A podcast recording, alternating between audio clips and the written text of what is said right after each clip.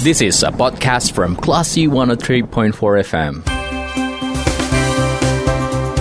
Bicara melawan Corona bersama Classy FM.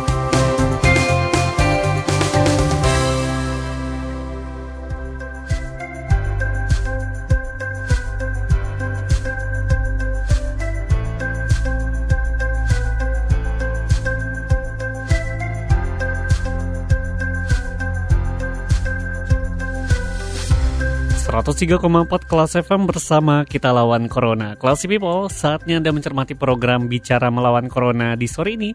Masih bersama saya Faris Sardana.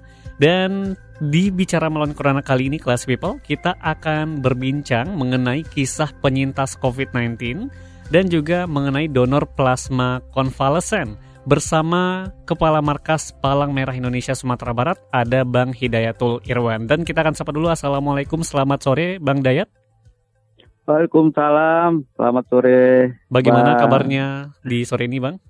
Alhamdulillah, baik. Alhamdulillah. Ah, cukup cerah ya cuaca pada sore hari ini. Alhamdulillah. Yeah. Kalau boleh tahu dan mungkin bercerita juga ber, kepada classy people nih, Bang. Gimana sih uh, awalnya Bang Dayat ini terpapar COVID-19, Bang? Oke. Okay. Uh, terima kasih. Selamat sore semua untuk warga kelas yang uh, di mana saja berada yang mendengar siaran kita pada uh, sore hari ini. Hmm. Sebenarnya tugas-tugas uh, saya selaku Kepala Markas PMI Provinsi Sumatera Barat yang juga bersama teman-teman itu sejak mulai adanya uh, COVID di bulan Maret April, 2020. Uh, April 2020 kita sudah sudah melakukan aksi di di berbagai tempat, berbagai lokasi, hmm. terutama dalam melakukan upaya pemutusan uh, mata rantai penyebaran COVID-19 dalam bentuk kegiatan disinfeksi, hmm. kemudian juga melakukan kegiatan uh, edukasi penyuluhan uh, kepada warga masyarakat juga keluarga-keluarga relawan di Palang Merah Indonesia. Hmm. Nah ini sepanjang waktu, sepanjang hari kita lakukan. Nah kemudian juga uh, PMI melakukan tugas-tugas uh, yang diamanahkan ke klinik PMI Sumbar. Hmm dalam pelaksanaan kegiatan pendampingan pelayanan kafilah MTQ, kemudian juga kegiatan-kegiatan KONI dan lain sebagainya. MTQ nah, nasional di Sumatera Barat beberapa waktu beberapa waktu yang ya, lalu ya, Bang? Iya, ya. Hmm. Nah, uh, intensitas di lapangan interaksi uh, dengan berbagai orang, lokasi dan situasi di mana memang pada saat itu cukup intens, kondisinya memang masih sangat tinggi. Hmm. Walaupun sebenarnya kita tetap uh, patuh dan taat aturan untuk melakukan uh, prokes karena memang saya juga termasuk orang yang wanti-wanti juga kepada teman-teman di lapangan untuk selalu menjaga kesehatan karena kalau kita sakit tentu saja kita tidak bisa membantu orang lain. Yeah. Nah ternyata uh, di minggu terakhir uh, November 2020 hari Selasa itu saya mulai merasa kurang nyaman, hmm. tidak uh, begitu baik, uh, kemudian pegal-pegal dan hari Rabunya panas, yeah. pa panas. Kemudian saya coba untuk mengkonsumsi obat-obat yang disarankan oleh dokter. Uh, kemudian Rabu malam itu turun, Kamis Kamis panas lagi. Hmm. Nah hari Jumat saya ke SPH ke Rumah Sakit uh, Semen Padang karena hmm. memang saya tiap bulan juga untuk konsul di di sana. Hmm. Nah, dokter Marisa pada itu saya cerita bahwa ada gejala demam. Nah, beliau menganjurkan saya untuk screening. Hmm. Nah, di tanggal 3 uh, eh, tanggal 28 ya. Tanggal 28 November itu saya screening. Hmm. Ke, di SPH itu ada tiga tahap pemeriksaan ada pemeriksaan darah, kemudian uh, di ronsen di dada, di paru, kemudian swab.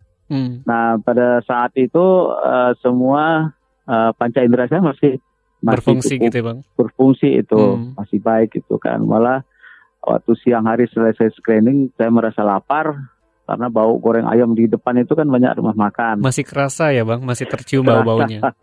ah masih dan ada panasnya sudah mulai juga uh, tidak terasa gitu. Sudah mulai sepertinya sudah mulai normal. Hmm. Jadi nggak ada uh, semacam kemudian, uh, perasaan-perasaan bahwa ini adalah gejala-gejala COVID gitu ya bang?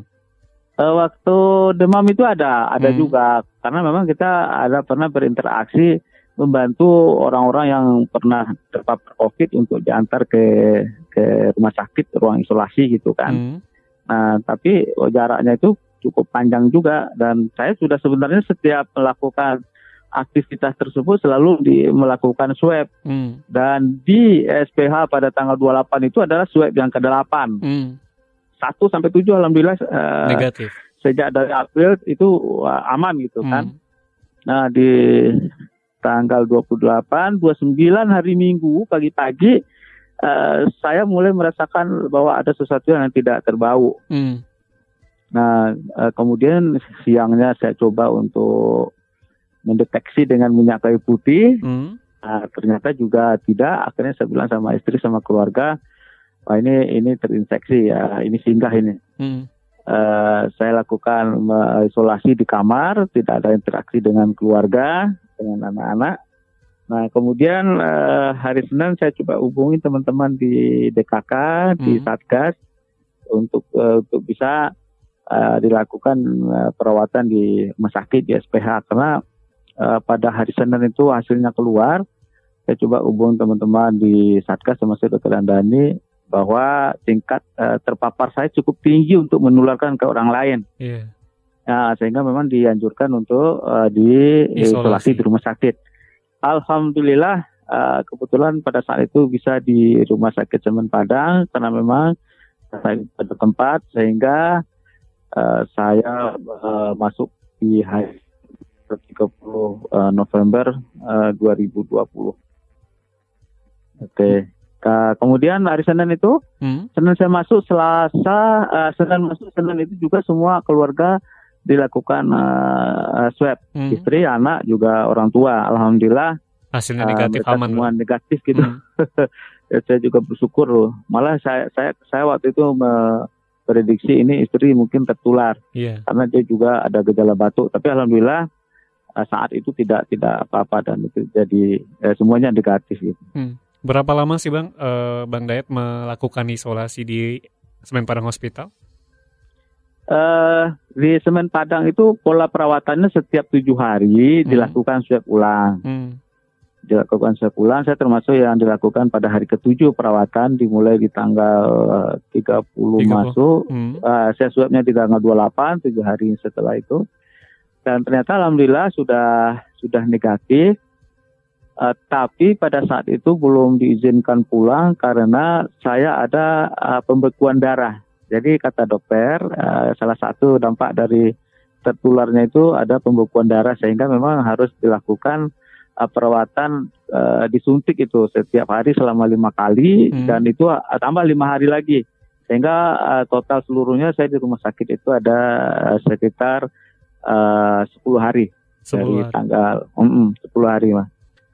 Baik. Kemudian apa sih Bang Hmm. pelajaran yang mungkin bisa kita ambil karena Bang Dayat eh, aktivitas eh, kemanusiaan dan juga berada di luar ruangan itu cukup tinggi dan juga sebenarnya juga bisa dikatakan aware dengan protokol kesehatan tapi tetap terpapar. Kira-kira apa sih yang bisa kita bagikan apalagi di luaran sana masih banyak nih orang-orang yang mungkin saat ini tidak menggunakan masker keluar rumah, kemudian tidak menjaga jarak bahkan dan juga masih ada ternyata yang nggak percaya COVID ini ada gitu Bang. Yang pertama kita harus eh, paham dengan kondisi tubuh kita. Hmm. eh, paham dengan kondisi tubuh kita ketika umpamanya kita merasa eh, mulai lelah, letih, sebaiknya memang harus istirahat, jangan dipaksakan keluar. Itu pertama, penting sekali. Walaupun eh, kita harus sudah melakukan menjaga jarak, kemudian kita juga sudah memakai masker, tapi pada saat kita sudah mulai lelah, sebenarnya imun kita berada pada posisi yang rendah. Hmm. Nah, itu kita kan eh, apa namanya masker yang kita gunakan itu kan bu, masker tetap punya celah, Iya.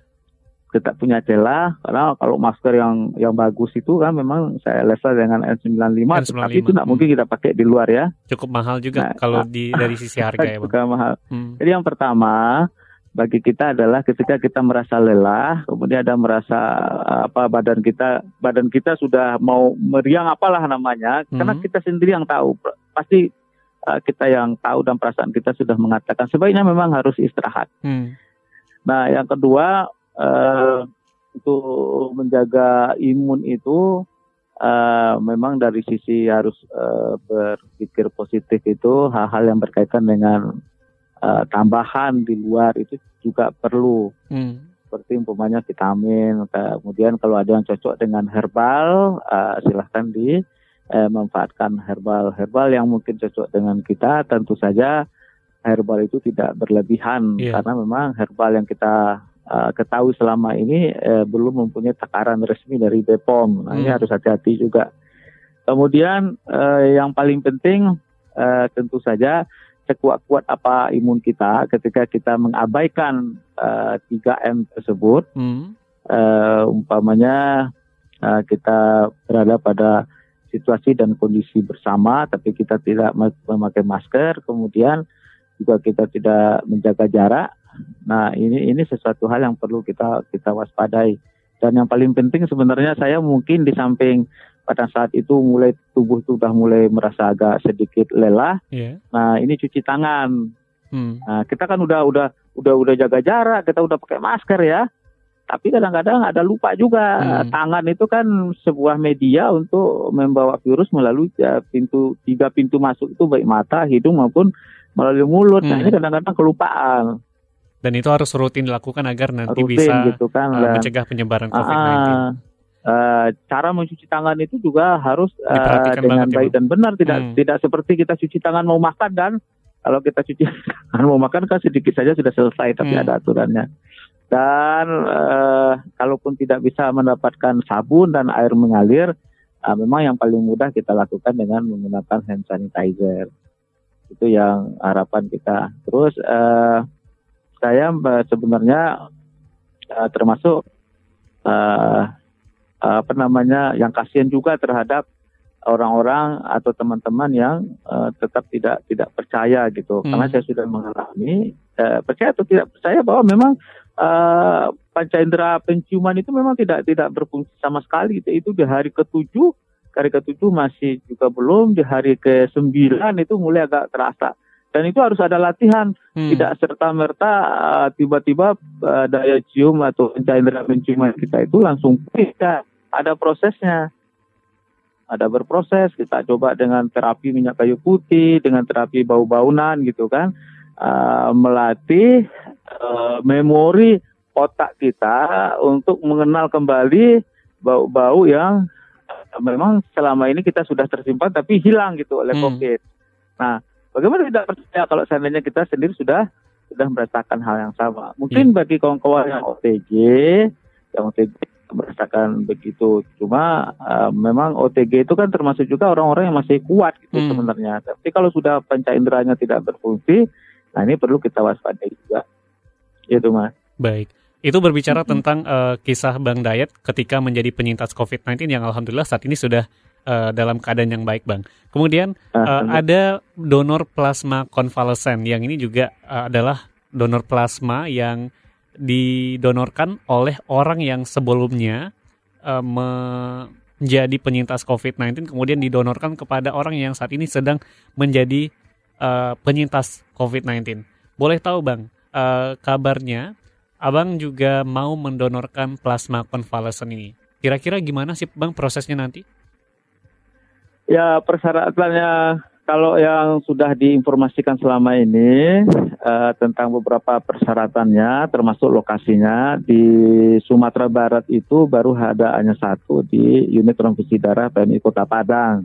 Hmm. Kemudian kalau di Sumatera itu ada di Lampung, ada di Medan, ada di Banda Aceh sekitar Pekanbaru. Jadi uh, persyaratan untuk orang mau menjadi donor konvalesen itu memang adalah orang-orang yang sudah menjadi penyintas. Hmm. Uh, kenapa demikian? Uh, dari informasi yang saya terima, uh, sembuh itu sebenarnya adalah proses di mana antibodi kita itu bekerja dengan baik sehingga mengalahkan virus COVID. Hmm. Nah, antibodi itu sebenarnya yang diambil dari tubuh kita untuk diberikan kepada orang-orang yang sedang sakit. Yeah mendukung antibodi tubuh mereka. Nah, jadi ini adalah bentuk terapi yang memang uh, dianjurkan kemarin baru di secara nasional oleh Bapak Presiden Wapres uh, tentang bagaimana uh, uh, donor plasma konvalesen ini termasuk salah satu upaya untuk uh, memberikan kesembuhan uh, kepada orang-orang yang uh, saat ini masih Mengidap menjalani COVID-19. perawatan. Hmm. Ah, kenapa demikian? Uh, kita bayangkan kalau seandainya orang-orang sudah berumur, kemudian dia komorbid, uh, dan variasi waktu dirawat itu sangat bervariasi sekali, mas. Sebenarnya Iya. waktu waktu saya di SPH itu saya tanya ada teman-teman yang sudah masuk duluan, saya tanya udah berapa hari? Ada yang 10 hari, ada yang 14 hari gitu kan. Hmm. Nah, ada yang udah 21 hari. Itu kan kita sama-sama uh, berjemur Iya. berjemur di lantai Di 8 rooftop. Hmm. SPH itu. Nah, kemudian kita juga saling bercerita. Ada yang tujuh hari bisa pulang. Termasuk alhamdulillah orang yang cepat. Hmm. Orang-orang lama itu artinya kan proses antibodinya itu kan masih belum belum ber, eh, bekerja dengan baik sehingga harus membutuhkan eh, perawatan lebih lama. Nah, dengan eh, penyintas yang telah sembuh kemudian diambil plasmanya, di dalam plasmanya itu ada di antibodi, antibodi itu dipindahkan ke uh, pasien yang memerlukan, tentu saja ini adalah sebuah uh, pekerjaan yang sangat luar biasa baik sekali karena saya merasakan uh, apa namanya lepas dan sembuh dari COVID ini adalah sebuah anugerah Hmm. uh, seperti merasa hidup yang kedua gitu. Kalau uh, dibandingkan dengan uh, orang-orang yang memang uh, berumur pendek oleh oleh penyebab dari COVID ini. Iya. Karena di di SPH itu saya ada ada ada sebuah sahabat uh, mertuanya meninggal karena COVID dan Hmm. satu rumah itu uh, terpapar COVID semua oleh mertuanya termasuk dia sendiri. Hmm. Nah pada saat itu saya cerita pada hari Sabtu mertuanya meninggal di rumah sakit M Jamil karena tidak tertolong. Hmm. Nah, kita bisa membayangkan kita juga sama-sama COVID dan kemudian kita sembuh. Tentu saja ini adalah sebuah anugerah. Uh, mengapa tidak kalau seandainya ada peluang uh, bagi kita untuk untuk bisa berbagi, bisa menolong orang lain. Nah, apa namanya hidup kedua, Hmm. hidup kedua untuk berbagi kan tentu ada sesuatu yang sangat sangat luar biasa sekali. Nah, ini yang membuat uh, saya uh, termotivasi uh, untuk bersedia menjadi salah satu calon donor uh, plasma konvalesen. Hmm. Dan pada saya sebenarnya sudah ke UTD PMI Kota Padang, Iya. UDD. Nah, saya sudah periksa antibodi, tapi memang pada saat itu antibodinya belum belum sesuai dengan persyaratan yang ditentukan oleh oleh PMI oleh laboratorium. Hmm. Nah, ini ini eh, tidak serta merta setiap orang penyintas itu langsung bisa Untuk mendonorkan plasmanya. Ah, ah. Jadi tidak langsung ah, oh setiap dia sembuh langsung jadi donor tidak ada pemeriksaan. Hmm, baik. Nanti kita didampingi oleh dokter, eh, darah kita diambil, kita diperiksa antibodi, kemudian eh, pemeriksaan juga bebas dari penyakit-penyakit yang ada di dalam darah. Hmm. Nah, setelah itu nanti akan dihubung kembali oleh petugas UDD PMI Kota Padang. Kita dihubungi untuk diambil plas Plasmanya. plasmanya, gitu. Baik, kira-kira ada rencana nggak bang? Ini kan eh, donor plasma konvalesen ini bisa dikatakan eh, lumayan baru, eh, kita kenal juga. Kemudian eh, cukup bisa dikatakan cukup banyak di Sumatera Barat yang saat ini menjadi penyintas dan alhamdulillah sudah sembuh dari COVID-19. Dan ada rencana untuk misalkan bikin komunitas nanti bang, untuk Ya. nantinya mengumpulkan orang-orang yang pernah menjadi penyintas kemudian mendonorkan. Bisa jadi ini informasinya bi- belum sampai ke tiap pribadi-pribadi gitu ya individu-individu. Iya, eh, kemarin saya coba eh, komunikasi sama Pak Ari, Hmm. Kepala Dinas Kesehatan eh, Provinsi Sumatera Barat. Eh, arahnya ke sana kita sudah sudah sudah menuju ke arah apa yang di apa yang dicita-citakan yang disampaikan oleh eh, Klasi FM ini ya. Hmm. Uh, karena kita tahu bahwa uh, orang-orang penyintas itu kan tidak hanya di Kota Padang, hampir merata untuk Sumatera Barat. Nah, kita coba merancang kira-kira uh, bagaimana cara kita bisa um, membagi informasi komunikasi antar sesama penyintas. Karena kalau kalau saya sih uh, menurut pemikiran saya orang-orang yang donor itu sesuai dengan persyaratan adalah laki-laki Hmm. kemudian eh, kondisi tubuh dan sehat, tidak komorbid. Ah, tentu saja orang-orang itu ada di daerah orang yang eh, penyintas dari OTG Hmm. yang tanpa gejala itu pasti antibodinya baik itu karena Iya. kan sembuh sendiri kan. Hmm. Ikut, apa namanya eh, diisolasi di rumah pada hari ke-14 dia sembuh sendiri berarti antibodinya sangat luar biasa bagus itu. Ini yang kita coba uh, nantinya sama Pak Kepala Dinas, beliau sudah uh, menawarkan untuk kita coba uh, berbincang-bincang sama beliau kapan ada waktu. Nah nanti data-datanya kita akan coba uh, kita coba record, kita sampaikan ke UDD, nah mekanisme bagaimana mendatangkan mereka minimal uh, berbagi informasi tentang uh, donor konvalesen karena memang harus ke UDD PMI Kota Padang tidak bisa diambil seperti donor-donor uh, biasa yang hmm. yang pakai mobil unit atau donor-donor yang ke kampus-kampus, ke hmm. kantor-kantor pemerintah. Karena alatnya hanya ada di UDD, ada di laboratorium. Dan pengambilannya itu uh, sudah sangat canggih.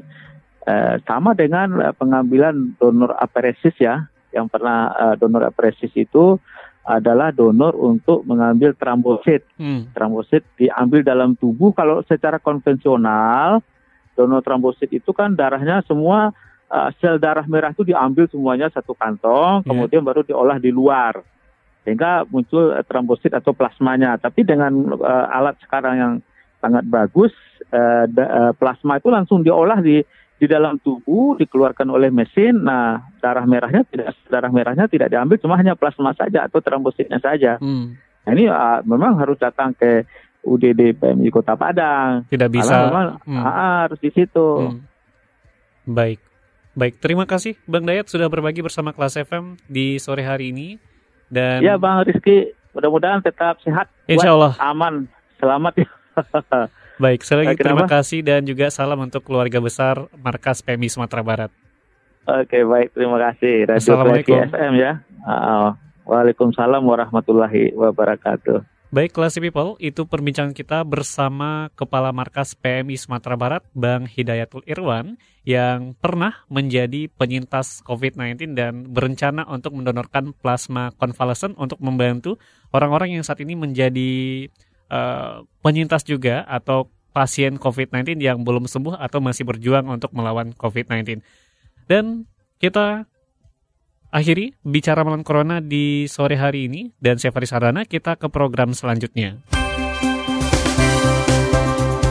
Terima kasih.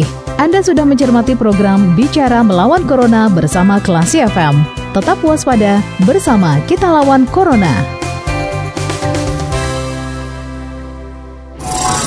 This is a podcast from Classy 103.4 FM.